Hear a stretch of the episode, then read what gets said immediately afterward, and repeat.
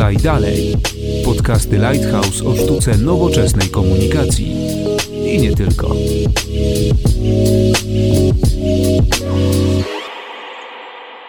Przed nami 28 odcinek podcastu Lighthouse Podaj Dalej, ale też e, jednocześnie początek cyklu rozmów, e, gdzie będziemy dyskutować na temat zmieniających się mediów. Na początek prasa. Prasa, która według wielu umiera. Niektórzy mogą sądzić, że już umarła, niektórzy mogą sądzić, że gdzieś przenikła się z tymi nowymi, no oczywiście nowymi mediami, które wiodą prym. E, z naszymi dzisiejszymi gośćmi będziemy właśnie o zmianach w prasie, zmianach w mediach rozmawiać. Są nimi Sylwia Czubkowska, Spiders Web, Instytut Zamenhofa. Dzień dobry. Dzień dobry. Jest też z nami Katarzyna Domeracka z Lighthouse. Dzień dobry. Konrad Domański, zapraszam. Dzisiaj, tak jak mówiłem, będziemy rozmawiać o tej wspomnianej prasie, więc e, no, co prawda nie mamy przed sobą tutaj żadnej gazety, żadnego czasopisma, ale kiedy ostatnio miałyście w dłoni prasę drukowaną? Ja mam praktycznie, znaczy powiedzieć, chciałabym powiedzieć, że codziennie, może codziennie nie, ale bardzo, bardzo regularnie, bo ja cały czas czytam prasę papierową, w sensie lubię wydania papierowe, tylko czytam je y, inaczej niż się kilka lat temu jeszcze czytało. To znaczy, to dla mnie robienie prasówki rano dzisiaj to nie jest przejrzenie dzienników y, w wersji papierowej. Rzeczywiście prasówką są te tytuły, które subskrybuję i przeglądam je z samego rana. Y, ci autorzy, których sobie cenię i których sobie przeglądam każdego dnia, czy tam w tym cyklu, w którym uważam, że mogą publikować. Te serwisy online'owe, które uważam, że są ważne i które też przeglądam dosyć regularnie, plus te tytuły, które mam zazwyczaj w prenumeracie, w papierze, które do mnie przyjeżdżają, czy też które tam czasami pójdę i kupię. I tych jest znacznie mniej oczywiście, ale to wciąż jest, nawet teraz sobie próbuję policzyć. Tak około sześciu, sześciu tytułów, które mam zaprenumerowane w papierze i myślę, że około 15 prenumerat subskrypcji online'owych. To, to naprawdę dużo. To wyjątkowo dużo, bo patrzę na siebie i ja na prasę na druk. Właściwie czytam jedno czasopismo, to jest Press. Jeżeli chodzi o inne, to ostatnio w ręku miałam Newsweeka, ale tylko dlatego, że po prostu nie mam subskrypcji Newsweeka, a chciałam przeczytać wywiad z Natalią Hatalską, więc sięgnęłam a normalnie jednak ja jestem bardziej w online, czyli ja bardziej śledzę właśnie serwisy, mam też swoje subskrypcje, które zbierają mi poniekąd właśnie informacje również z i prasy drukowanej, ale też z serwisów online'owych i też mam takie wrażenie, że właśnie to się zmienia, że dużo więcej jednak my jesteśmy w online, w komórce, w aplikacji, niż sięgamy po prasę, patrz, e, po druk. No to oczywiście, że się zmienia. Oczywiście, że się zmienia to na, na, na korzyść online'u bardzo wyraźnie.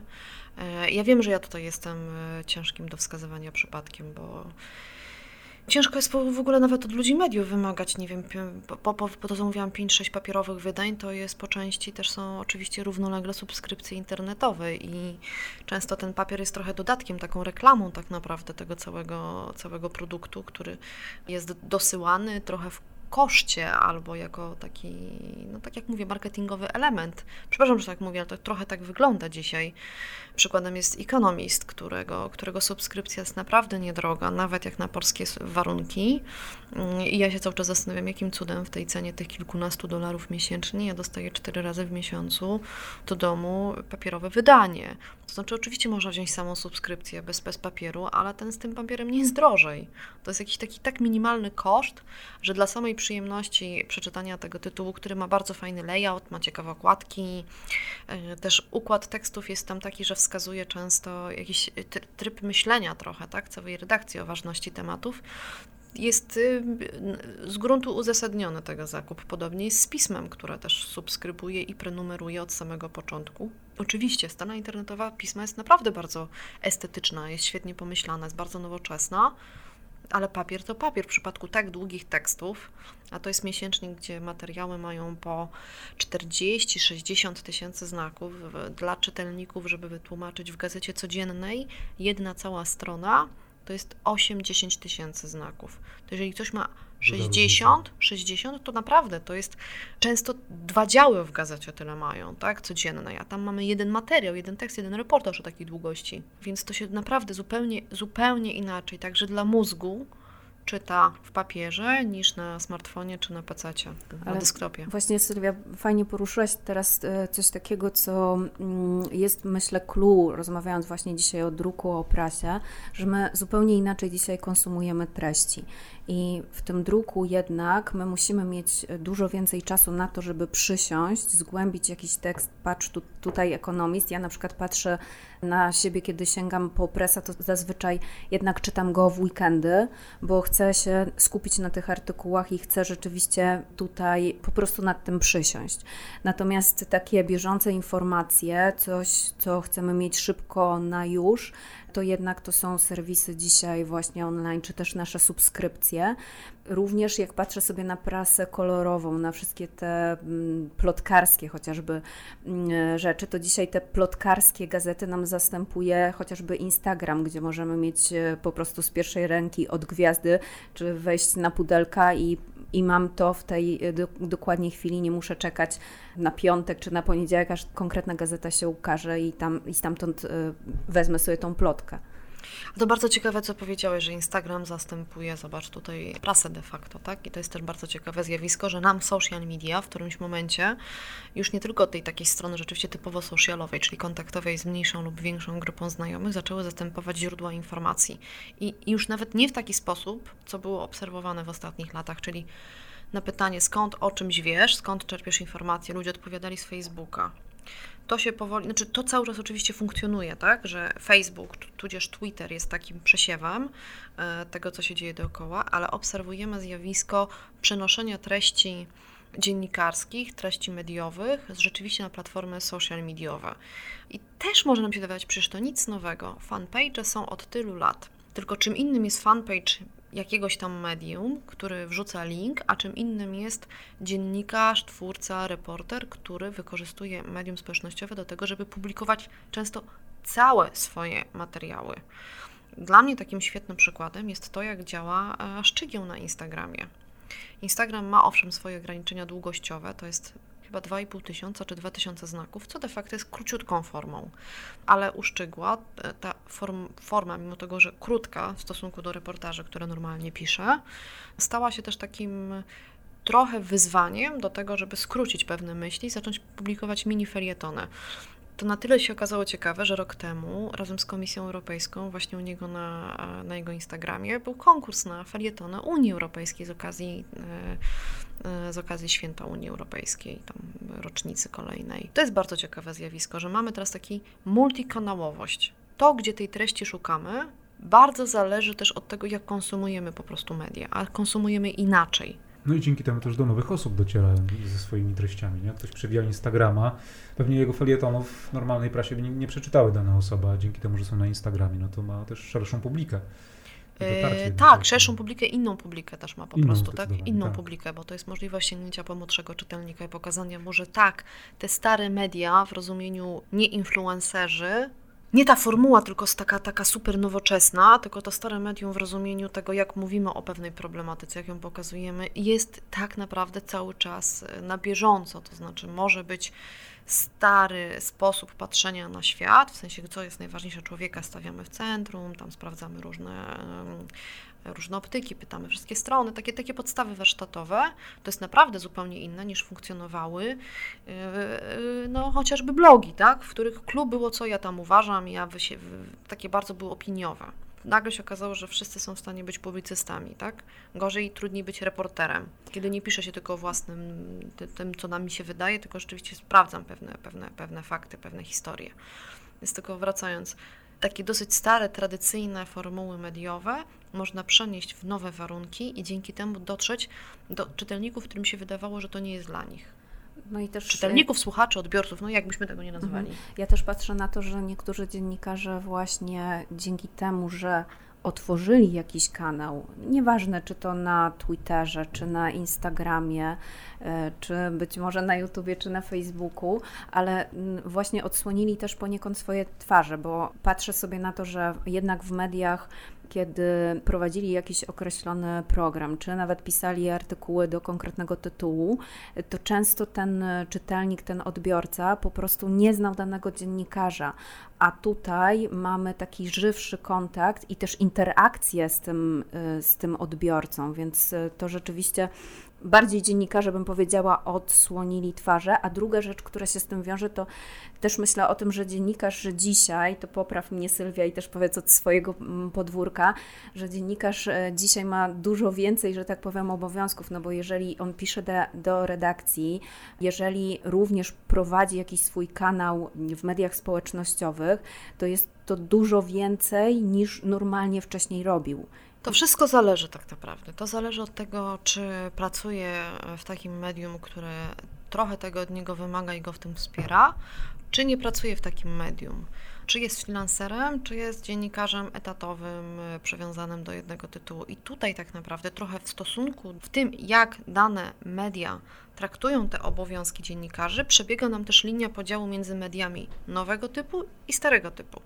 Przykładem niech będzie to, że w amerykańskich, wielu, wielu amerykańskich tytułach, również tych bardzo konserwatywnych by się można, mogło wydawać, w sensie konserwatywnych, będących mediami starego typu, z długą historią, dużo dłuższą niż polskie media, tak? Nie wiem, e, Wall Street Journal tak ma, czy Washington Post tak ma, że wymaga od swoich dziennikarzy, wszystkich dziennikarzy, żeby mieli konta na Twitterze.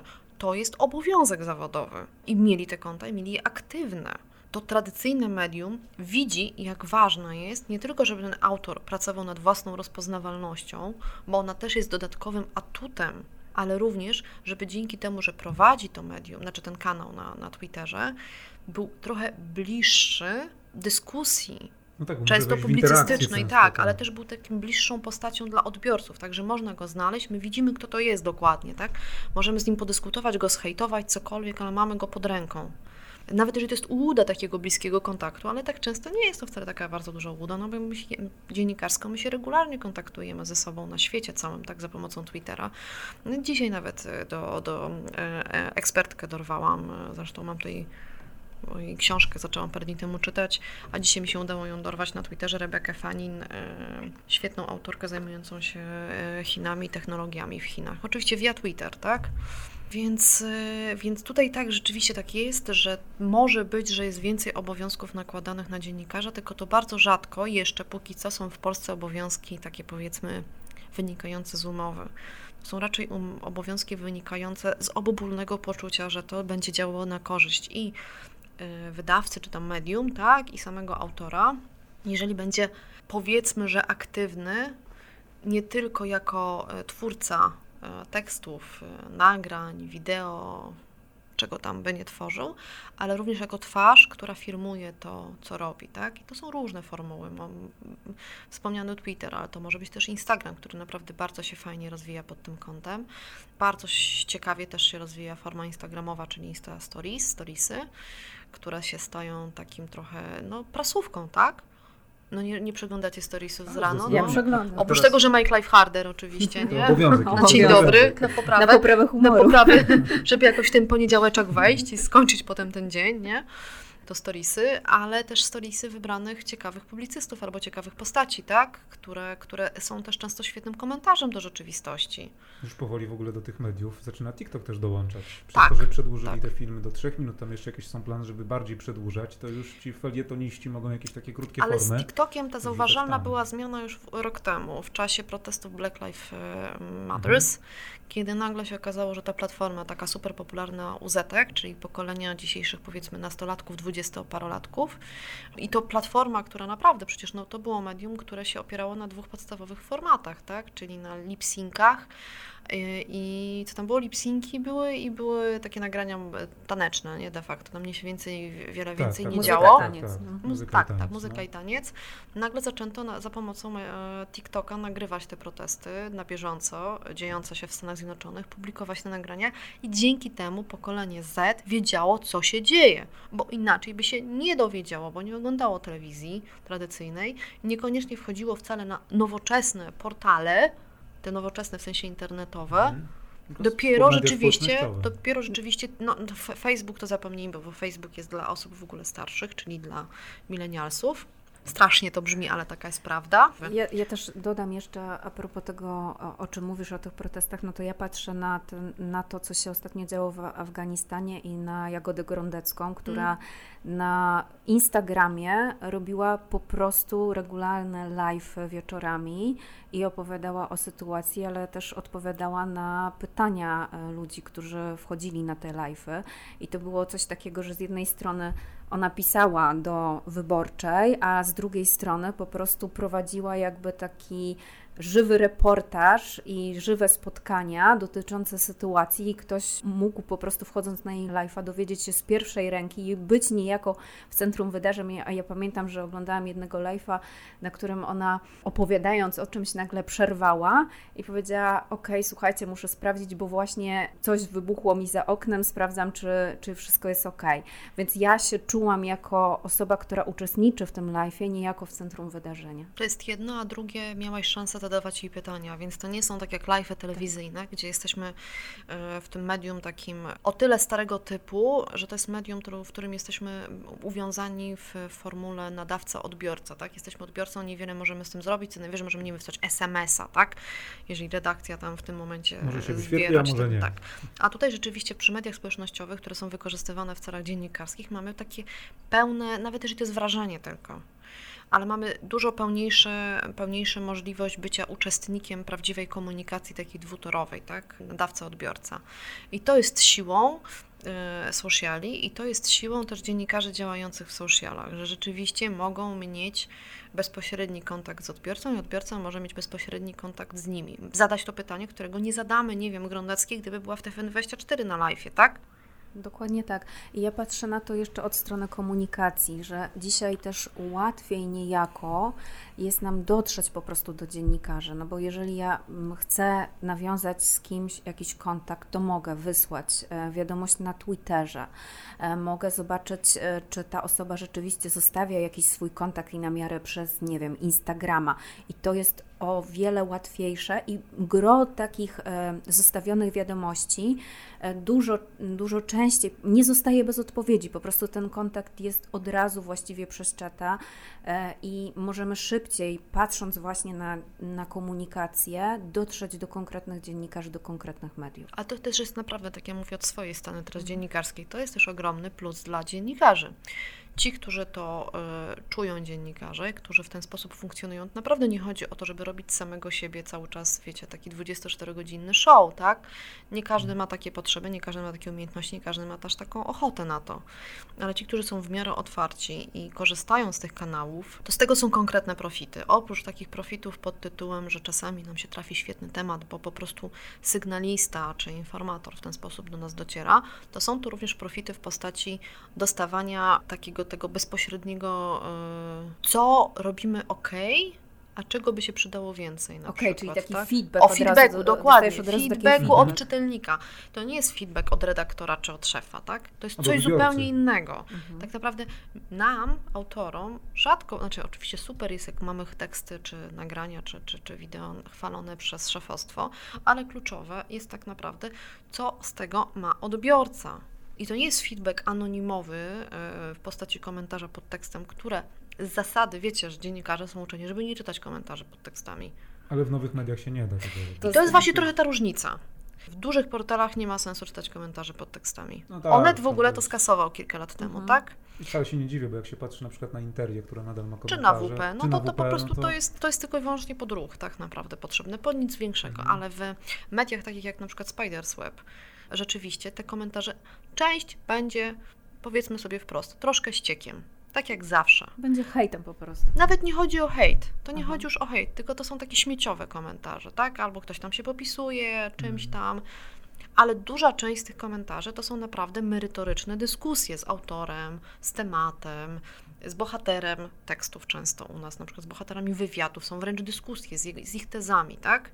Więc to nie chodzi o to, że ja się zgadzam czy nie zgadzam z tym komentarzem, ale dostaję jakiś sygnał o tym, co było interesujące, co nieinteresujące, co ludzi trochę tak naprawdę jeszcze gdzieś im z tyłu głowy siedzi i my odpisujemy na te komentarze. My nie, nie na wszystkie, to nie jest tak, no ja musiałam mieć czwarty już etat, tak, żeby zarządzać jeszcze tutaj od, od każdej sekcją strony, tak, sekcją komentarzy, dokładnie, ale rzeczywiście odpisujemy. Jeżeli są błędy, to przepraszamy na przykład, rzeczywiście, tak, przepraszamy, znaczy czy dziękujemy wskazującemu dzięki, ale tak. To, to też, przepraszam, że ci się wbija, ale to też jest zaleta właśnie mediów internetowych, bo w prasie, jeżeli się popełniło jakiś błąd, no to trzeba było jakieś duże sprostowanie na przykład robić następnego dnia, albo, albo nie. nie. Ale tutaj jednak jak autor to wyłapie, to dosłownie po dwóch minutach już nawet od publikacji można coś szybko poprawić a... i dzięki temu no też jakoś to no wpływa. Tak, ale prawdę mówiąc na przykład y, przy jednym z ostatnich tekstów, to był tekst o wykopie u nas, y, dosyć trudny i problematyczny tekst. Duży który... i problematyczny portal też. To nie ma tak, tak. Tu jeszcze zaczęliśmy, zanim zaczęliśmy go na dobre pisać, to już mieliśmy problemy, bo mm, użytkownicy wykopu postanowili pokazać, co myślą o przygotowywaniu tekstu na temat wykopu. I tak do dzisiaj jeszcze dostaję maila z pogróżkami, ale tam jeden z bohaterów tego tekstu jest postacią problematyczną. To znaczy, my znaliśmy częściowo jego historię. E, to jest człowiek, który jest związany z kręceniem kanału e, Szkolna 17, kanału, w którym występuje Kononowicz, ten słynny tam z Białego Stoku. To nie są treści poważne, to nie są treści, które chcielibyśmy pokazywać na przykład swoim dzieciom, tak?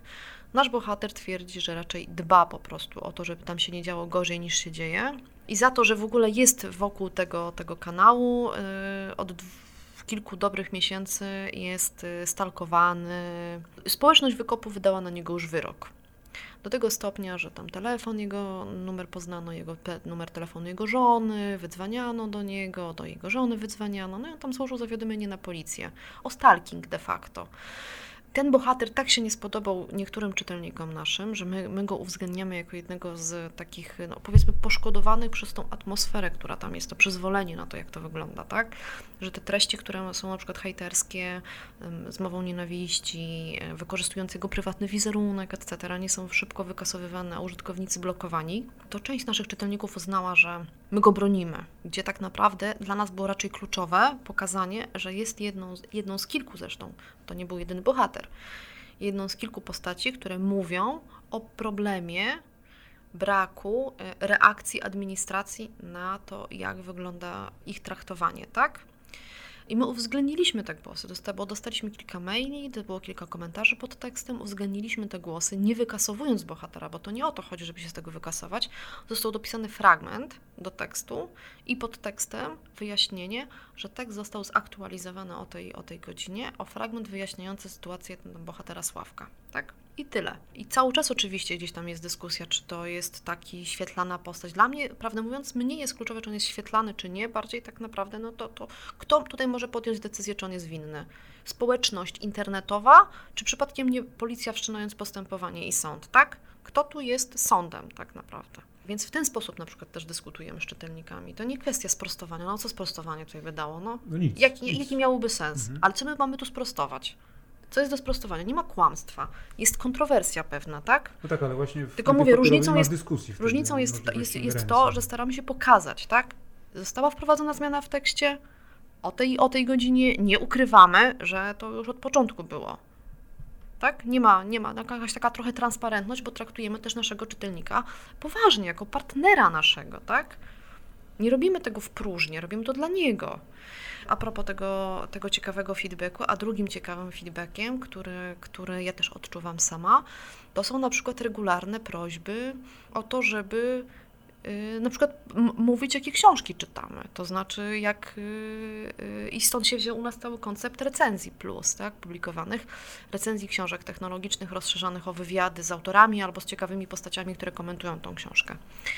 Yy, bo ludzie potrzebują, jak się okazuje, też takich trochę takich wskazówek, tak? Jeżeli się interesuje na przykład mhm. rzeczywiście tymi technologiami, to gdzie mam szukać fajnej inspiracji dalej? Czy w ogóle myślę, że dzisiaj mamy tak dużo informacji i przesyt e, treści i przesyt różnych po prostu form. Mamy wiele podcastów, mamy nieograniczony wybór filmów na Netflixie i czasami się po prostu człowiek w tym gubi i potrzebuje mm. właśnie takiego, takiej wskazówki, ok, to co ty mi rekomendujesz, I nie ma, nie ma, albo dzisiaj bardzo trudno jest znaleźć właśnie takie medium, które będzie się opierało właśnie na rekomendacjach. Ok, to rekomenduję Ci, nie wiem, z seriali, Wy to robicie, tak? Z seriali to, to i to, obejrzyj. Z książek to, to i to. Bardzo często ludzie po prostu w konkretnych tematach szukają inspiracji.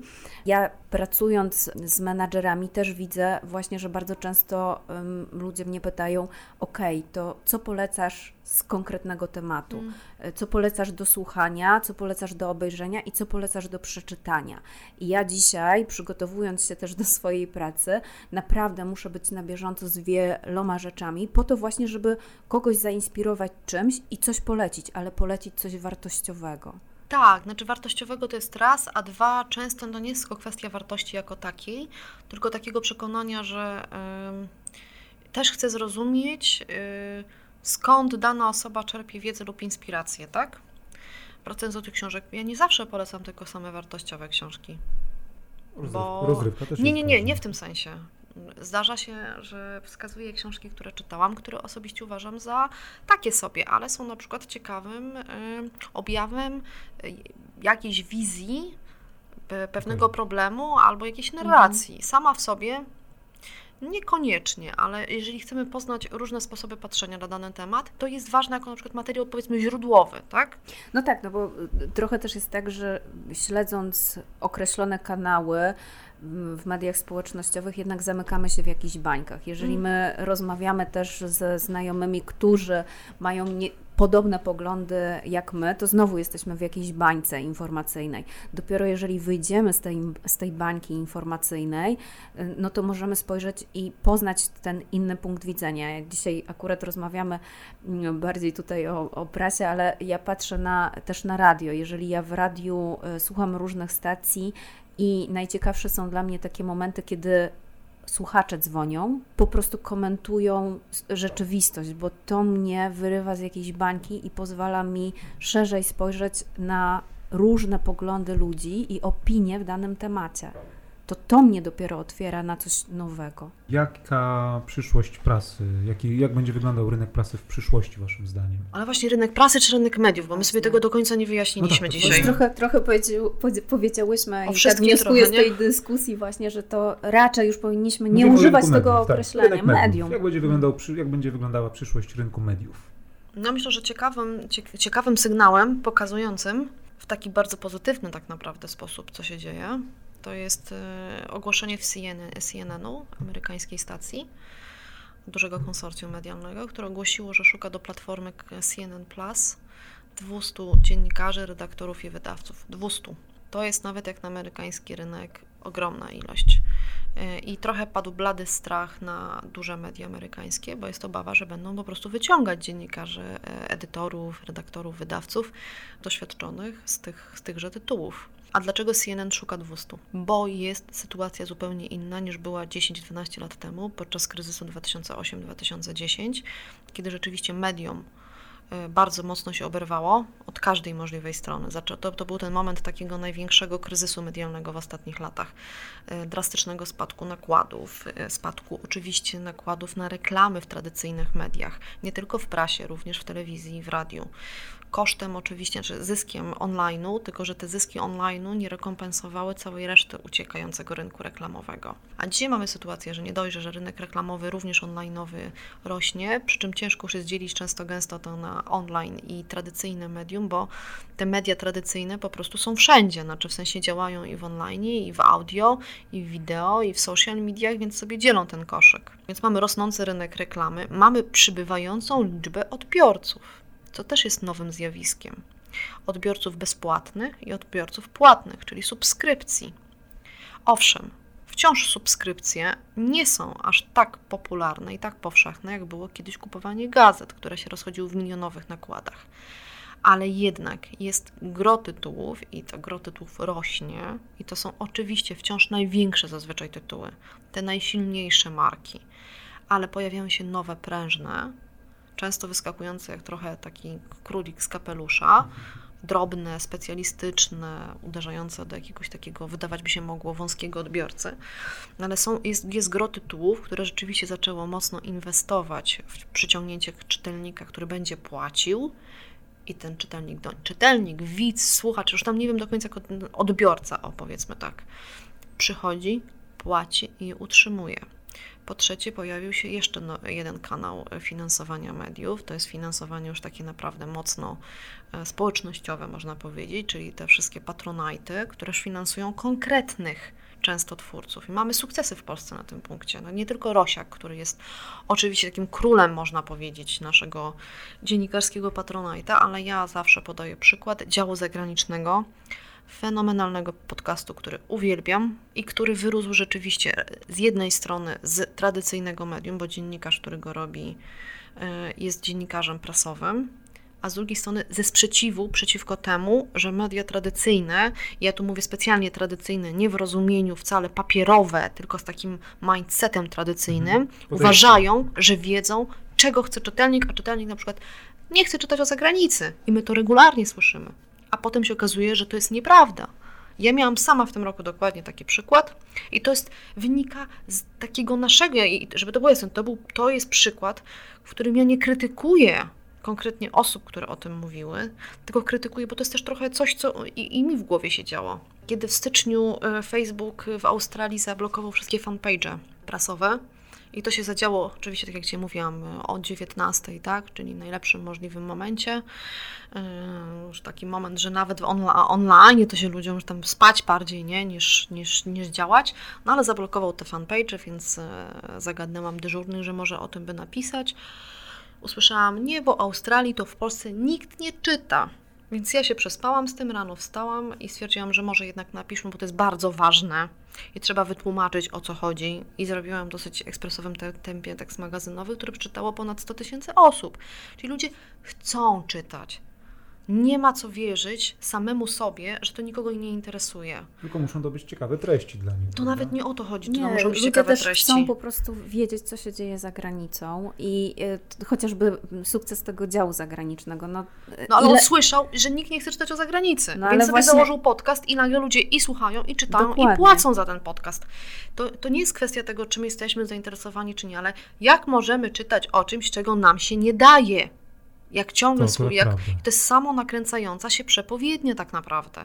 A kiedy zaczniemy, e, i to jest, to jest element nowych mediów, bardziej niż czy są wydawane w papierze, czy w online, czy tam no, w podcastem, czy mają wersję digital storytellingową, czy taką w ogóle z, totalnie z softową, bez żadnych bajerów ważniejsze w nowych mediach jest to, że są takie out of the box, nie? Że sobie zapominamy o tym, że to się nie będzie czytało, że to się nie będzie klikało, że nikogo to nie interesuje, że to nie jest dzień sprzedażowy.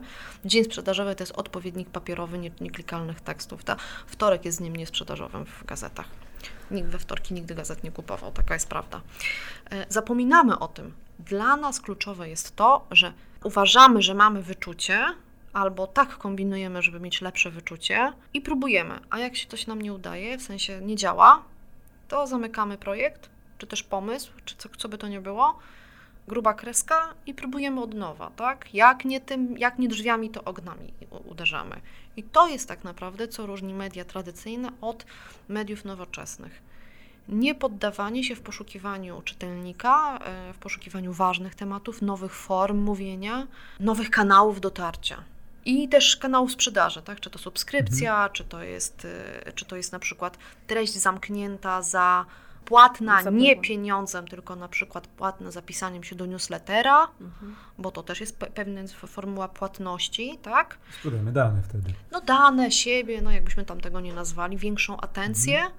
Czy to jest y, subskrypcja tworzona y, wewnętrznym systemem, czy to jest tak jak teraz Nuance y, na przykład wrócił do współpracy z Piano, którą, z którą eksperymentowały duże tradycyjne media w Polsce i zarzuciły duże tradycyjne w rozumieniu ty, tytuły papierowe mhm. jeszcze wtedy, tak? I zarzuciły tą współpracę z piano, tam nie były to udane e, próby, a teraz przychodzi do, e, wraca tak naprawdę do tego rozwiązania radio z dużym e, ogonem podcastowym, online'owym, rozwijanym takim, taką formułą, myślący jeszcze o wydawaniu papieru. Więc to jest tak, na, tak, naprawdę dla mnie wskazówka, że mamy, mamy tutaj do czynienia z medium nowoczesnym, bo to jest medium, które, jak mówię, jak nie drzwiami, to oknem.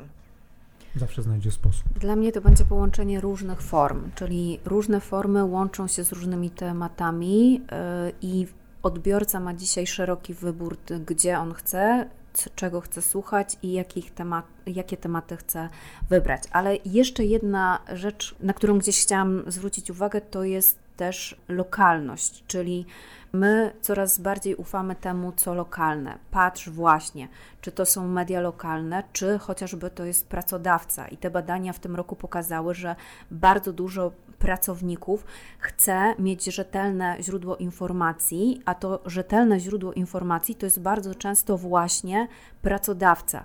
I ja patrzę również na to w kontekście rozwoju własnych mediów, e, czyli mediów takich firmowych, czy to będzie gazetka do pracowników, czy to będzie jakiś, jakaś forma newslettera, czy to będzie być może firma sobie otwiera jakieś kanały mm, i nagrywa, czy swoją telewizję, ale fajnie, żeby też firmy pomyślały i stworzyły takie kanały, nie tylko na zewnątrz, ale również w komunikacji wewnętrznej, żeby ta informacja, którą firmy mogą przetwarzać, i to nie tylko informacja taka, co się dzieje w firmie, ale również podejmowały ważne tematy, o których się społecznie mówi, czyli media lokalne.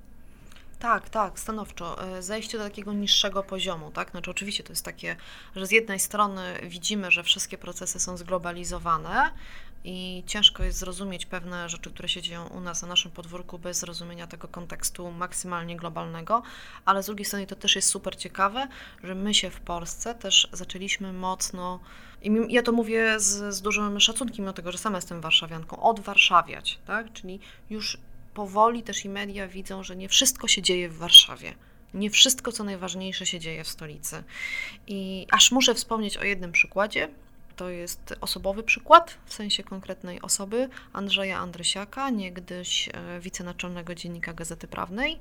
Naprawdę no, bardzo ważnej postaci na rynku medialnym, w bardzo ważnym tytule, który zrezygnował z pracy, by tworzyć lokalną gazetę radomszczańską, tygodnik radomszczański, zajmujący się no, miejscem, w którym on mieszka i, i, no i to jest tytuł, i to jest tytuł, który odnosi mega sukcesy, zdobywa kolejne nagrody w konkursach dziennikarskich, podnosił e, świetne i ważne tematy y, śledcze dotyczące zarówno i pedofilii w kościele, i, i korupcji na poziomie samorządowym i opisuje też takie po prostu ważne dla ludzi lokalnie sprawy po prostu.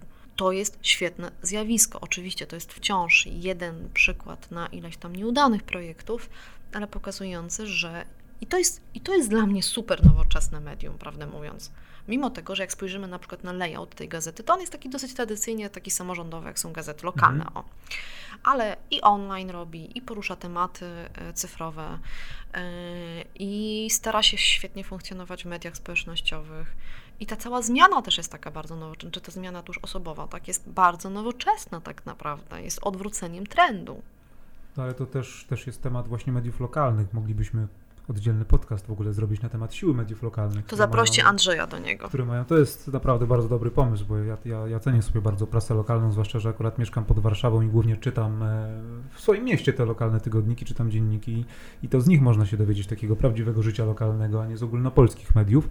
Dzisiaj rozpoczęliśmy cykl e, rozmów o mediach, o tym, jak media się zmieniają. Głównie dzisiaj skupialiśmy się na mediach pisanych, ale też gdzieś tam temat podcastów, radia, telewizji się pojawił. To na pewno będziemy poruszać w kolejnych odcinkach. Dzisiaj już dziękuję moim gościom. Przypominam, byli z nami Sylwia Czubkowska, Spiders Web Instytut Zamenhofa. Dziękuję. Dziękuję bardzo. Oraz Katarzyna Domeracka z Lighthouse. Dziękuję. Konrad Domański, dziękuję. Do usłyszenia w kolejnym odcinku. Podaj dalej. Spodobał Ci się nasz podcast? Podaj dalej i śledź naszą stronę oraz kanały społecznościowe.